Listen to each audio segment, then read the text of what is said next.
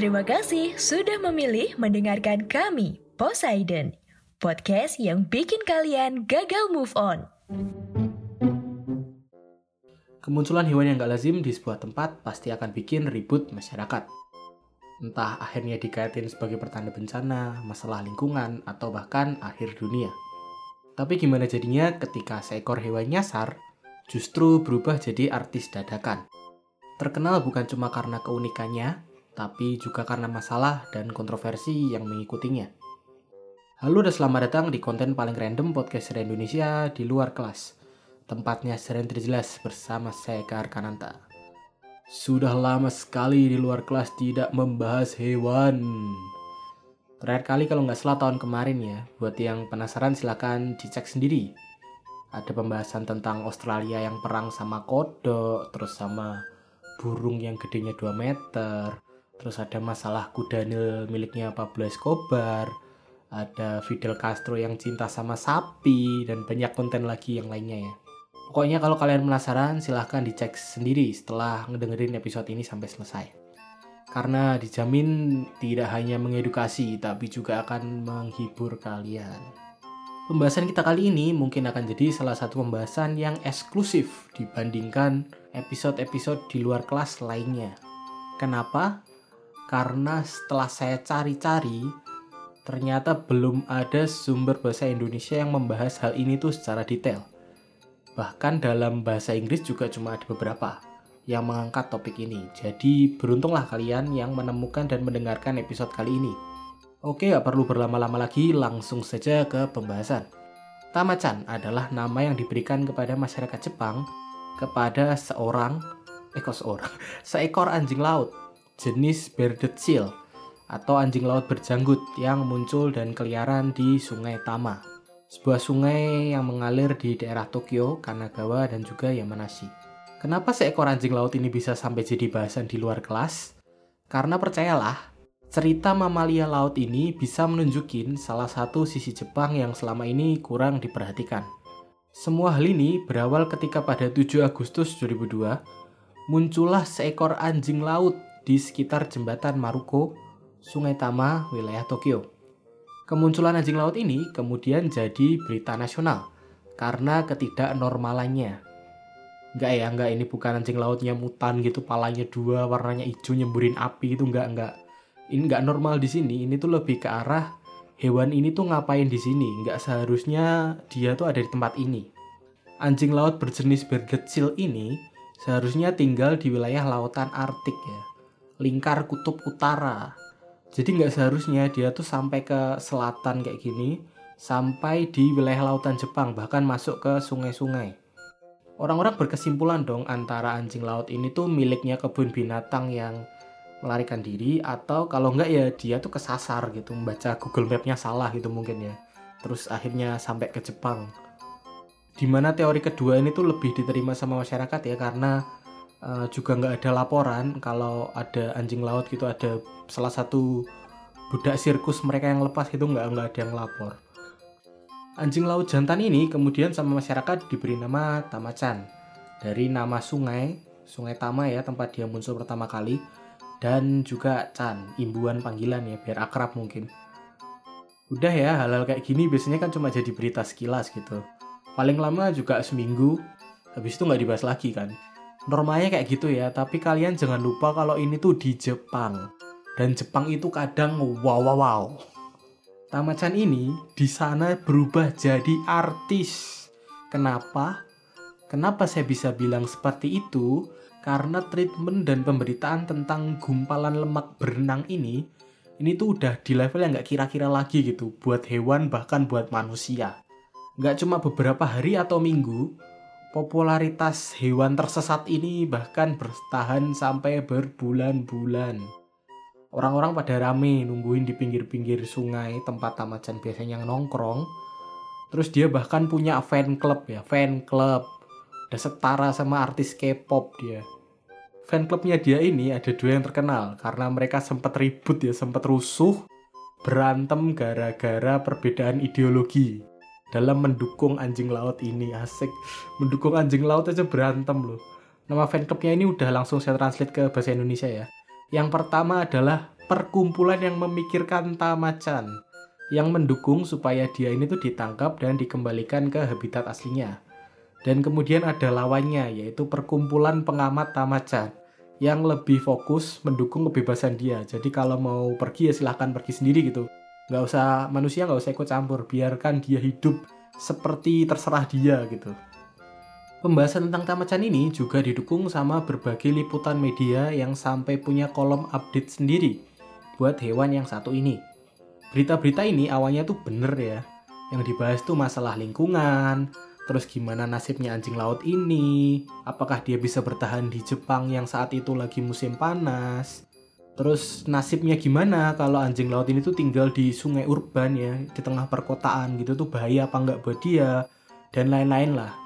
Tapi lama-lama ya habis kan pembahasan-pembahasan yang serius kayak gini. Jadi berita yang ada ini tuh justru akhirnya jadi lebih absurd ya lebih aneh gitu. Berubah jadi update harian malahan. Jadi isinya berita mungkin kayak tamacan makan ikan gitu tamacan berjemur. Jadi udah hal-hal nggak penting gitu yang udah dibahas. Soalnya kan masih banyak yang nyari dan sudah tidak ada bahasan lain jadi tetap saja tulisan-tulisan tidak mutu keluar seperti berita-berita online di Indonesia ya dan untungnya Tamachan ini tuh nggak tinggal di sungai Indonesia ya, dia tinggalnya di Jepang. Kalau di sungai Indonesia mungkin headline-nya berubah ya, jadi Tamachan nongkrong di kasur bekas gitu, atau Tamachan tersedak sampah popo gitu ya. Sesuai kan sama kondisi sungai kita ya, yang isinya tuh kalau nggak perabotan bekas ya limbah rumah tangga ya. Selain jadi artis karena kepopulerannya, kemunculan Tamachan ini juga berkaitan sama berbagai masalah. Tapi kali ini kita fokus cuma ke dua masalah yang paling besar ya. Yang paling menonjol dan yang paling wow wow wow. Oke kita mulai yang pertama. Kepopulerannya Tamachan ini bahkan sampai bikin dia dikasih Tokubetsu Jumihyo atau surat tinggal khusus dari Yokohama Nishiku atau uh, kecamatan Yokohama Barat ya kalau ditranslate ke bahasa Indonesia langsung. Penganugerahan surat izin tinggal ini akhirnya sampai bikin sekelompok warga negara asing ini tuh demo pada 22 Februari 2003. Jadi di Jepang kalau nggak salah ini ada tiga sistem yang dipakai buat registrasi ya. Ini di luar kayak KTP, SIM, STNK dan lain-lain itu, itu beda lagi. Yang pertama ini tuh ada yang namanya koseki atau registrasi keluarga kayak kakak gitulah. Terus yang kedua itu uh, ada Juminhyo atau registrasi tinggal ya kayak surat domisili gitu. E, dipakainya buat urusan pelayanan kesehatan terus buat daftar zonasi sekolah anak dan lain-lain ya. Terus yang terakhir ada Geikokujin Toroku atau sistem registrasi khusus warga negara asing. Jadi dipisah ya antara sistemnya milik warga lokal sama warga asing dan inilah yang dimasalahin sama kelompok tadi maksudnya mereka protes ya kayak hewan aja anjing laut itu tuh segampang itu buat dapat surat tinggal izin pakai registrasi yang sama kayak warga lokal di sana. Sementara warga negara asing yang udah tinggal di sana bertahun-tahun, yang ikutin aturan di sana, yang bayar pajak, ini tuh malah dapat hak yang berbeda karena sistemnya aja juga dipisah dari awal kan. Peraturan baru yang kaitannya sama sistem ini, ini tuh akhirnya baru dirubah sekitar tahun 2012. Jauh setelah peristiwa demo ini tuh berlangsung. Jadi buat kalian yang belum tahu, memang masih ada marginalisasi ya di Jepang antara warga asli sama warga pendatang dari negara lain. Itu tadi yang kita sentuh cuma bagian hukum dan pemerintahan ya, cuma sedikit tadi. Belum ke aspek sosial. Ini kalau bahas itu bisa sampai minggu depan ya kita tidak selesai-selesai episode ini nanti. Oke, sekarang langsung aja ke pembahasan kedua ya. Sekarang adalah masalah kedua yang kaitannya sama Tamachan di mana ini sebenarnya adalah bagian yang paling ultimate ya bagian yang paling wow wow wow dari tadi jadi Tamachan ini anjing laut ini sempat harus berurusan sama sebuah sekte spiritual atau bisa dibilang aliran sesat yang bernama Panawif. Panawif ini sendiri ya, jadi rame di Jepang karena keanehan mereka. Jadi kalau dibanding sama agama, kelompok ini tuh sebenarnya lebih cocok ke eh, komunitas konspirasi ya jadi bukan bukan aliran spiritual yang agamis gitu bukan tidak religius sama sekali mereka karena ajaran-ajaran mereka ini lebih berkaitan sama teori-teori sains yang ngasal ya nggak jelas gitu Salah satu yang paling utama dan terkenal adalah mereka ini percaya adanya gelombang elektromagnetik jahat yang menyelimuti dan meracuni bumi yang cuma bisa dihalang dengan warna putih dan logo mereka. Walaupun kelihatannya absurd dan aneh ya, mereka tuh punya ratusan pengikut yang udah terkumpul sejak awal berdirinya kelompok ini di akhir dekade 70-an.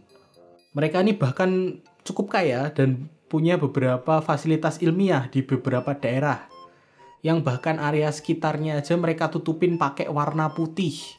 Jadi sampai kayak tanah, sampai batang pohon aja itu sampai ditutupin kain putih gitu. Terus apa urusannya kelompok aneh ini sama Tamachan? Jadi menurut mereka, anjing laut tersesat yang satu ini tuh telah mengganggu keseimbangan. Bahkan beresiko menghancurkan dunia. Ini kan anjing laut doang ya, dia bukan Ultron, dia bukan Ultron. Kenapa langsung disamain kayak dajjal gitu ya? Padahal cuma mamalia laut. Bayangin gak sih dunia kiamat gitu cuma gara-gara anjing laut nyasar gitu ya. Dia berenang berenang berenang nggak tahu ke mana bikin kiamat gitu ternyata. Menurut mereka satu-satunya cara ngentiin ini semua adalah dengan cara menangkap dan mengembalikan mamalia yang merepotkan ini tuh ke lautan Arktik supaya dunia tuh kembali seimbang dan kembali damai. Lucunya lagi ya rencana mereka ini tuh gagal. Rencana mereka nangkap ini gagal karena Tamachan walaupun bulat gendut seperti itu dia ternyata lebih pintar dari kelihatannya dan berhasil melarikan diri dari usaha penangkapan Panawave ini. Tamachan ini hidup di aliran sungai sekitar wilayah Tokyo, Kanagawa, dan Saitama sampai penampakan terakhirnya pada 12 April 2004 di mana dia kemungkinan besar akhirnya kembali lagi ke lautan lepas ke tempat di mana dia seharusnya tinggal ya. Jadi itu akhir dari cerita Tamachan, seekor anjing laut nyasar yang sukses melawan kelompok aliran sesat dan membantu merubah sistem kependudukan. Pesan yang bisa kita ambil kali ini adalah buanglah sampah pada tempatnya ya, karena sungai kita kotor. Siluman aja kayaknya males ya tinggal di sana ya. Keseringan minum air deterjen mereka di sana pindah akhirnya. Terima kasih sudah mendengarkan. Kritik, saran, atau ide bahasan bisa dikirim ke Instagram at podcast underscore Indonesia atau ke Instagram pribadi saya di @rotikecap. Jika ada kesalahan, saya mohon maaf besar-besarnya. Saya Garkananta pamit. Sampai bertemu di konten Poseidon lainnya. Bye-bye.